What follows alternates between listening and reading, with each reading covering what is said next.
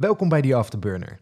Hierin praten we na over de vorige aflevering, blikken we vooruit naar de volgende en geven we een kijkje in alles wat er bij onze reis door theater en podcast komt kijken. Broeder, Hoe is het, vriend?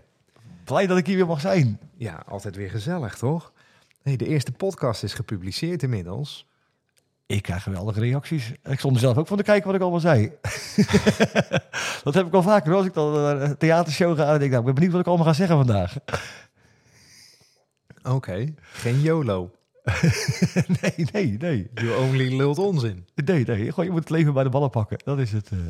Maar positieve reacties. Ja, ja, en er gebeuren ook heel veel dingen, ook naar aanleiding van de shows al gewoon. Ik krijg heel veel berichten van mensen die echt keuzes gaan maken. En dat gaat echt diep vanuit een, eh, een vriend van me, die zijn moeder was overleden. En die zeg maar, allerlei dingen uit kiespijn ge- gebruikte, zeg maar, in de, in de, de reden die hij eh, gaf aan de ode aan zijn moeder op die begrafenis. Mensen die bedrijven op gaan zeggen en op gaan zetten, ook zelfs.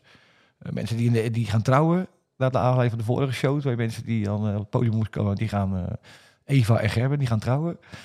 Oh, toevallig, want dat zei je daarvoor al. Van nou, hopelijk gaat dat een keer lukken. Ja, want Eva was bij ons geweest en Gerben wist nergens van. Maar Gerben die was niet zo goed in keuzes maken. Die zijn al 15 jaar samen. En hij wilde wel trouwen, maar ik denk, ja, dat komt wel een keer. Dus we hebben het lot een klein stukje geholpen. Ook handig. Maar hoe voel je je erbij als je jezelf terug hoort? Eh, goed, moet ik zeggen. Ja, ik denk, en dat is ook wel een beetje jouw verdienste, moet ik zeggen. Want het is natuurlijk ook een podcast. En ik zeg, ja, wat ga je dan allemaal vragen? En jij zei, vertrouw me maar, we gaan gewoon lullen. En we zien het wel. En er komt iets heel moois uit. Nou, het blijkt geen, eh, geen woord van gelogen te zijn. Nee, het is, al is het wel bijzonder om jezelf terug te horen. Ja, ik krijg ook heel veel complimenten over jouw stem, moet ik zeggen. Dan, eh, Nou, dankjewel. van, eh, van prettige stem tot zwoel. Zwoel zelfs, oké. Jan Veen. Nou, dit is wel leuk. Nou, het, het is wel apart, want ik heb zelf altijd de overtuiging gehad dat ik helemaal geen mannelijke stem heb. Dat mijn stem veel te hoog is en voor, ja, ik ben zelf 1,90 meter, ik ben niet de kleinste, dat mijn stem daar helemaal niet bij paste. Het is natuurlijk ook een stukje technologie met een heel klein beetje reverb erop en een heel klein beetje bas. Maar het valt reuze mee. Dus het doet ook nog iets met, me, met mijn zelfvertrouwen. Nee, maar het is ook, jij straalt een bepaalde rust uit. Bij mij is het altijd eh, volle bak energie en het gaat alle kanten op. En, jij, en dat was ook een beetje in het gesprek, als ik misschien dan door, kan pakken naar Remco. Remco is natuurlijk ook een stuiterbal. Jij bent eigenlijk de rust in het gesprek met ons drieën gewoon dan. eh. Ja, die feedback kreeg ik ook van een van de luisteraars inderdaad. Die gaf aan dat jij inderdaad de stuiterbal was en dat ik echt de rust was. Dat het misschien de, de, eh, het contrast te groot was, dat ik misschien te rustig was, maar ja, dan, ja. Nee, nee, want dat, jij maakt mij ook nog... Kijk, normaal gesproken ben ik nog drukker. Dus doordat jij zo rustig bent, word ik ook iets rustiger. Dan ben ik nog wel een stuiterbal. Maar als jij dus niet zo rustig was geweest, had ik nog gekker gedaan. Het is wel leuk om terug te luisteren. Ik, ik heb echt stopwoordjes. Ik ga ze niet zeggen, want als je ze hebt gehoord, kan je ze niet meer onthoren. Maar Nee, nee, dan ga je ze stopwoordjes voor mezelf. Dan gaan ze turven en zo omhalen. Eh. Ja, en, ik, en ik doe mijn best om voor in mijn mond te spreken. Maar ik ben en blijf toch echt een Rotterdammert. Dus als ik dan enthousiast word, dan hoor je dat mijn accent gewoon naar voren komt. Ja, ja, ja, dat krijg ik overal. Als ik in, ik was in Jouren in, eh, in Friesland en eh, dan kom uit Rotterdam. zei iemand anders. Maar dat was Rotterdammer. En ik hoorde niet aan zijn stem dat hij Rotterdammer was. Maar ja, ik denk, ja, je bent geen Fries, dat hoor ik ook wel. Maar ik denk, ja, wij zelf hebben daar weinig... eh, Ik kreeg ook nog een compliment trouwens. Hij zegt van, eh, het kon slechter. Dat was een compliment. Het kan altijd slechter. Nee, maar dat is in Friesland, als ze dan enthousiast zijn, dan zeggen ze het kon slechter. Dat was een heel goed compliment. Ik. Het kon slechter. Het glas is half, half leeg. Dus, maar het kan slechter. Maar wanneer is voor jou de podcast eigenlijk een succes? Ehm, nou ja, als het mensen net als de theatershow zeg maar, aanzet of aan het denken zet in ieder geval eh, bij, bij de keuzes die ze maken. En ik denk een van de aspecten van kiespijn van de theatershow is ook om te ontdekken, is het mijn eigen keuze? Of word ik, ja, zo noemen we het gemanipuleerd in onze presentatie en ook vanuit vanaf Remco zijn, eh, zijn invloed. Wij worden allemaal beïnvloed in onze keuzes en eigenlijk hoop ik dat mensen meer na gaan denken van joh, is dit wel wat ik wil? Denk na over je eigen keuzes. Nou, dat geeft inderdaad wel een geweldig gevoel. Ik kreeg inderdaad al appjes van een luisteraar ook van... eh, nou, dit is wat ik eruit heb meegenomen. Maar dat, ja, dan, dan is het al een succes, toch? Ja, en je weet ook nooit wat mensen eruit pikken natuurlijk. Dan van- van, je situatie je leven af, hoe je opstaat 's ochtends en hoe je, op wat voor moment je luistert. Nee, inderdaad. Maar eh, Remco inderdaad, hè? Je gaf al een lijntje. Hoe heb je dat ervaren? Ja, ja, Remco is ook een zielsverwant eigenlijk natuurlijk. We kennen elkaar al een tijdje. En, eh, misschien wel een mooie anekdote, die is niet naar voren gekomen. Want toen wij eerst, voor het eerst samen op het podium stonden... toen werd net voor de, dat Remco aan de beurt was... werd, werd er, eh, kreeg hij een telefoontje dat zijn vader was opgenomen in het ziekenhuis. En eh, ik zag aan zijn gezicht dat er wat aan de hand was. Ik zei, Remco, dan ga ik eerst gewoon, joh, dan ga jij naar huis. En dan, eh, ik lul het wel recht hier gewoon. eh. hij zegt, nee, nee, nee, ik heb een afspraak en ik kan niks doen. Weet je, mijn vrouw heeft gezegd dat het die, die, dat die stabiel is. Ik kan niks meer doen. Dus ik ga het podium op. En toen zat ik dus in de zaal en Remco ging zijn ding doen. En toen dacht ik van, jezus man, dat is echt gewoon eh, super strak. Niemand merkte gewoon iets van zijn... dan denk ik, ja, dat is echt een prof. Het is ook wat hij zei, hè? Van, het, het voelt heel authentiek en ik doe het ook authentiek, maar alles is gescript. Hij is zo getraind in wat hij doet. Ja, ja. Het is bijna een knopje en een automatische piloot. Ja, Zover heeft hij het dat ge- wat hij doet, heeft hij zo geperfectioneerd. Ja, ja, jou- jouw eh, keuze was, voor kiespijn was techniek of authentiek, hè? Dan, eh, ja, dat was vond ik wel mooi. Ook. Zo, maar dan moest hij daar wel, ja. Het is een compliment dat hij daar even stil van werd. Ja. Ja, ik denk, en dat is ook wel een beetje waar iedereen wel natuurlijk... eh, kijk, nu is het heel gechargeerd op Remco, maar we hebben allemaal wel dingen natuurlijk dat we het of doen voor de bühne, weet je wel, of om aardig gevonden te worden. Of, en dan, hoe, in, hoeverre ben je nog authentiek in je keuzes? Als je denkt van, ja, ik maak ze om de andere mensen te pleasen. En ik denk wel dat keuzes maken gaat ook voornamelijk om jezelf. En dat heeft niks met egoïsme te maken. Je kan andere mensen niet gelukkig maken als je zelf niet gelukkig bent. Dus je zal ook echt moeten keuze moeten naar jezelf moeten gaan kijken. Ik ga altijd als voorbeeld in het ziekenhuis of in het ziekenhuis, in het vliegtuig. Als je dan als je luchtdruk wegvalt in de, in de cabine, dan vallen al die, die kapjes naar beneden. En er zit altijd een kaartje aan, vooral voor de moeders, van joh, als jij zeg maar eh, eerst je eigen masker op doet, dan gaat dat een andere helpen. Als je eerst je kind gaat helpen, je hebt je eigen masker niet omgedaan, dan val je om en kan je niet wat meer helpen. Dus je zal echt eerst voor jezelf moeten zorgen om voor andere mensen te moeten gaan zorgen. Heb jij zelf iets meegenomen uit het gesprek met Remco? Dat je, dat je hebt van, ik wil dat toch anders doen, of ik ben weer even tot dit besef gekomen, of... Nou ja, dat ik, ik zit ook zitten te, te, te hakken met die authenticiteit en, die, eh, en techniek. Weet mij is het meer, eh, hangt het over naar die authenticiteit. Maar ja, aan de andere kant, als je een boodschap over wil brengen, dan is die, die techniek is heel belangrijk om mensen dus echt iets mee te geven. Dus dat ben ik ben nu aan het oefenen op die techniek, zeg maar, dat het gewoon eh, altijd hetzelfde is eigenlijk. Dus standaard een, eh, een 8 of een 9 is. Nu is het af en toe wel eens een 10, maar ook af en toe een 4. Dus door echt techniek erin te brengen, kan je zorgen dat het gewoon altijd goed is. Oké, dus je reflecteert nog meer op jezelf in die balans. Ja, ja, en ik vond het ook mooi, zeg maar, Remco doet het natuurlijk al heel lang, wat hij zei. Ik doe dit al zoveel jaar en dan op een gegeven moment krijg je ook patronen en word je er echt goed in. En eh, als je als wil spiegelen aan iemand, wij zijn eigenlijk in principe met de podcast zijn we net begonnen, nou, dit is de derde theatershow. Remco staat geloof ik al 28 jaar in de theaters, dus ja, dan kan je natuurlijk, moet je eigenlijk niet gelijk aan spiegelen, maar je kan er wel wat van, van meepikken, toch? Ja, het is ook wat hij zei. Hè? Als, jij, als jij zelf beter wil worden, kijk dan naar de beste. Ja, ja. En eh, hij zegt altijd, eh, copyright is the right to copy. Ja, ja, en dat is op elk vakgebied. Weet je, als je voetballer bent. Wel. ik zat eh, vanochtend een stukje te lezen over Sadio Mane. Dan denk ik mij, ja, geweldig man. Je kan een topvoetballer zijn, weet je, en die, maar die komt dus uit een hele buurt dat hij dus en geen geld had, en geen schoenen had, en geen, geen, geen eh, omgeving om te voetballen. En die verdient nu 10 10 miljoen. En hij zegt, ja, ik wil dat graag teruggeven aan mensen. Waarvoor zou ik twee horloges en twee vliegtuigen moeten hebben als ik andere mensen gelukkig kan maken? En dat is ook een beetje de strekking van kiespijn. Dus je wordt gelukkig van andere mensen gelukkig maken. Wij hopen met deze podcast en met kiespijn andere mensen gelukkig te maken. En dan worden wij er zelf ook gelukkig van. Nee, dat, dat is zeker waar. Zeker waar. En ik moet zeggen, voor mezelf was de ervaring met Remco Klaassen weer een once in a lifetime. Ik had nooit gedacht dat ik met mijn blote handen sneeuw van een Rolls Royce afstaan zou staan schuiven. Oh ja, dat heb jij buiten staan doen natuurlijk. Hè? Ja, hij moest natuurlijk naar die volgende afspraak. En eh, wij zouden wij niet zijn als, eh, als we daarna gezellig wat zitten te kletsen en uitlopen. En hij moest op tijd weer bij zijn volgende afspraak staan. Maar er lag gewoon echt 15 centimeter sneeuw op zijn auto. De vrachtwagens stonden vast, die moesten weggesleept worden, et cetera. En hij dacht, ja, ik heb geen krabber. Eh, eh, ik ga wel even kijken. Maar ik denk, ik ga wel even helpen. en dan sta je met je blote handen gewoon van een Rolls Royce de sneeuw af te schuiven. Dat, dat gaat nooit meer gebeuren. Dat gaan we tegen, tegen Remco zeggen. Dus heb je wel geld voor een Rolls Royce, maar niet voor een krabber.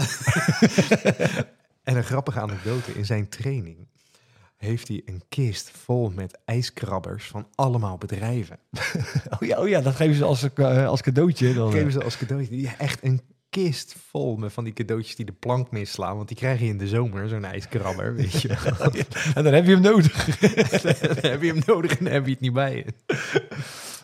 Oh, Dus die was wel echt heel grappig. Maar dat, eh, nou ja, inderdaad, bijna alleen maar positieve reacties. Remco was weer een ervaring op zich. Helemaal geweldig. Ik had trouwens ook nog een luisteraarsvraag. Die, eh, die stelde de vraag van... hoe komt het dat de MC Demons heet als die liefde predikt? Oh, dat is een goede vraag trouwens. Nou, ik ben, eh, we staan dus 40 jaar en eh, ik ben 55, dus ik was 15 toen ik de club oprichtte. En toen wilden we eigenlijk een naam, zeg maar, met een beetje een stoere klank. En dat moest iets zijn met de initialen HD. Harley Davidson. Je, want we wilden allemaal Harley Davidson rijden. Dus toen hadden we de naam Hells Demons bedacht. Hells Demons HD. Dat klonk stoer en zo allemaal. Maar er was een club in Amsterdam, die heette al iets met Hells. Dus daar wilden we geen ruzie mee. Dus dat hebben we eraf gehaald. En toen hebben we het gewoon Demons genoemd. En ik heb die vraag wel vaker gehad. Hoor. Als je over liefde en respect predikt, hoe kan je dan met zo'n duistere naam komen? Want er was iemand van de kerk en die zei... ja, de demons zijn de demonen, zijn de vertolkers van het kwaad.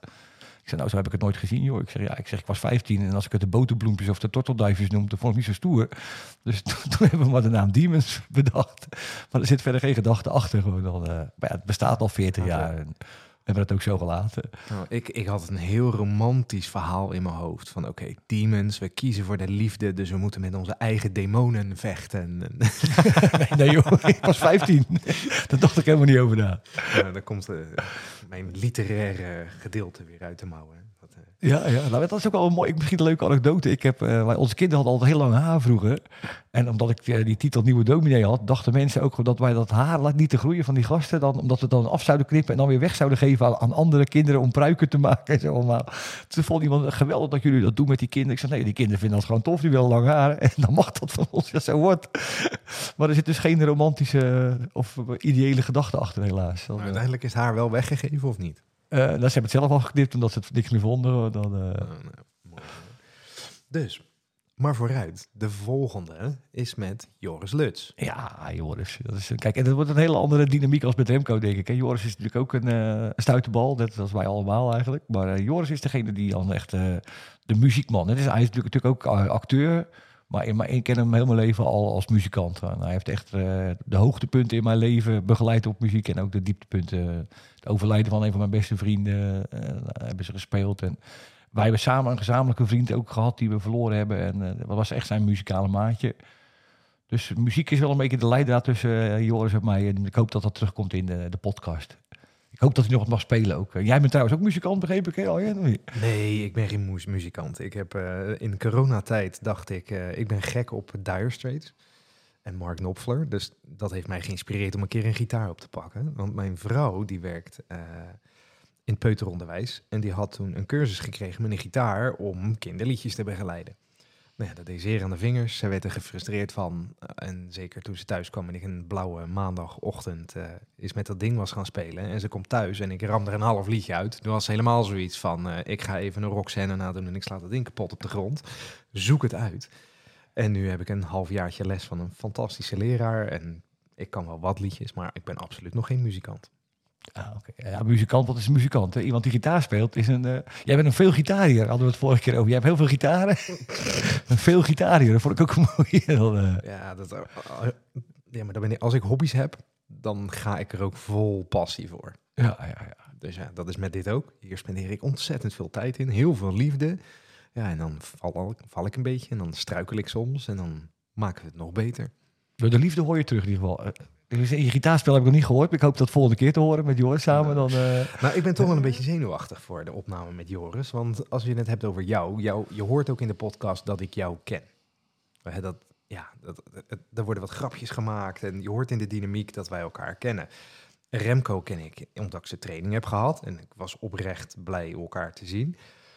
Maar dan kan ik me ook redelijk voorbereiden. Dan weet ik een beetje hoe die is, hoe die praat. Dan heb ik in mijn hoofd, daar lig ik dan nachtenlang over na te denken. Wat ik dan allemaal kan doen en welke kant je op gaat. Maar Joris Lutz, als je die opzoekt op Wikipedia, ja, hij is acteur, hij is schrijver. Uh, van Hadipa is die acteur natuurlijk. Hij heeft kinderboeken geschreven. Het is een echte Rotterdammer ook. Je kan een rondje Rotterdam kan je met hem boeken. Dus dan laat hij jouw plekjes in Rotterdam zien en gaat hij met je eten.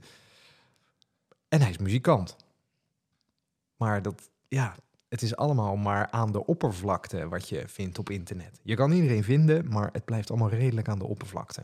Nou, maar dat vond ik ook misschien eventjes nog terugblikkend op de, de podcast met Remco. Dat vond ik ook wel jouw kracht is dat we van Remco zag ik ook altijd, maar als ik op internet zoek, zie ik ook altijd de oppervlakte. En wij kwamen echt wel in een gesprek door jouw vraagstelling ook wel een beetje de diepte in met Remco. En dat gaat denk ik ook met, kijk, met Joris gaat het ook gebeuren. Weet je. We, moeten ook wel, we kunnen ook wel dingen eh, bespreken die dan eh, best wel voor hem heftig waren natuurlijk.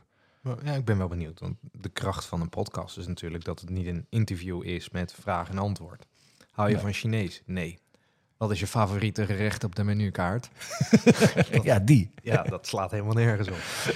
Dus ja, maar Remco en jou kan ik me op voorbereiden. En met Joris ben ik wel benieuwd. Ja, ja, ja. Nou ja, laten we het vooral eh, van de muziek, eh, let the music do the talking. zou ik Jij zeggen. zegt ook, het is een ongeleid projectiel en dan gaat ze een gitaar pakken en alles. Nou, ik ben benieuwd hoe ik daar dan structuur in ga houden. Ja, dat is jouw, eh, jouw uitdaging. Of het wordt een heleboel knipwerk in het editen. Ja, maar eh, eh, Joris is ook wel van de spontane uitvallen en invallen en zo allemaal. Dus we gaan ook heel weinig scripten. We gaan gewoon wel de, de, de vraagstelling. En we gaan ook de keuzes nog even doen, de kiespijnen. Maar ik denk, laat het gewoon gebeuren wat er, wat er gaat gebeuren. Gewoon dan, eh. Want, wat is aan Joris een vraag die jij echt gesteld wil hebben? Dat jij zegt, daar hebben mensen iets aan, daar kunnen ze iets uit meenemen.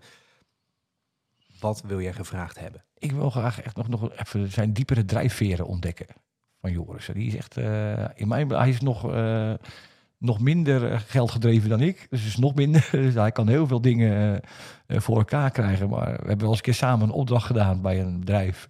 En dan hadden ze een muzikant nodig. Dus ik denk, nou, ik neem een vriend mee. En eh, dat duurde lang voor die betaling. En eh, toen zei Joris, oh, laat maar zitten, joh, dat betaalt hij niet, joh. Groot bedrijf, je, geld zat er zo allemaal. En, eh, en ik zei, nee, we hebben er toch recht op. Hij zei, ja, maakt er niet uit, joh, dat betaalt hij niet. Dan gaan we gewoon verder. En dat, ik vond hem echt wel een... dat is iemand gewoon die echt leeft voor de muziek en voor de liefde. En dat, en dat is ook wat wij ook zelf ook meemaken. Dat kan wel eens een keer botsen natuurlijk. Je hebt ook een gezin, je hebt een, kind, de hypotheek moet betaald worden. Oké, dus jij wil echt weten wat zijn diepste drijfveer is. Ja, hoe hij zo dichtbij... En als je praat over authenticiteit, hij die blijft echt dicht bij zichzelf. Ik zie altijd hem en, eh, en Sander, weet je, dat, zijn, dat is één. Hè, die hebben ook een, eh, een plaatje gemaakt. Dat heet eh, de Swalbe Sisters, waren ze. Zo heten ze. En toen had je in onze tijd Lothar Matthäus, weet je. Dat was, die liet zich altijd vallen. Daarom heette ze de Swalbe Sisters. En dat liedje heette de Lothar Matthäus Passion. Dat was echt geweldig. Joris en Sander. Wel een iconische verdediger van Duitsland en Bayern. ja. Maar Joris en Sander, dat zijn eigenlijk gelijkgestemden ook wat dat betreft. Voor die twee zou ik gewoon uh, achterstevoren naar Sierra Leone lopen, zou ik zeggen. Wel de... Ik ben benieuwd.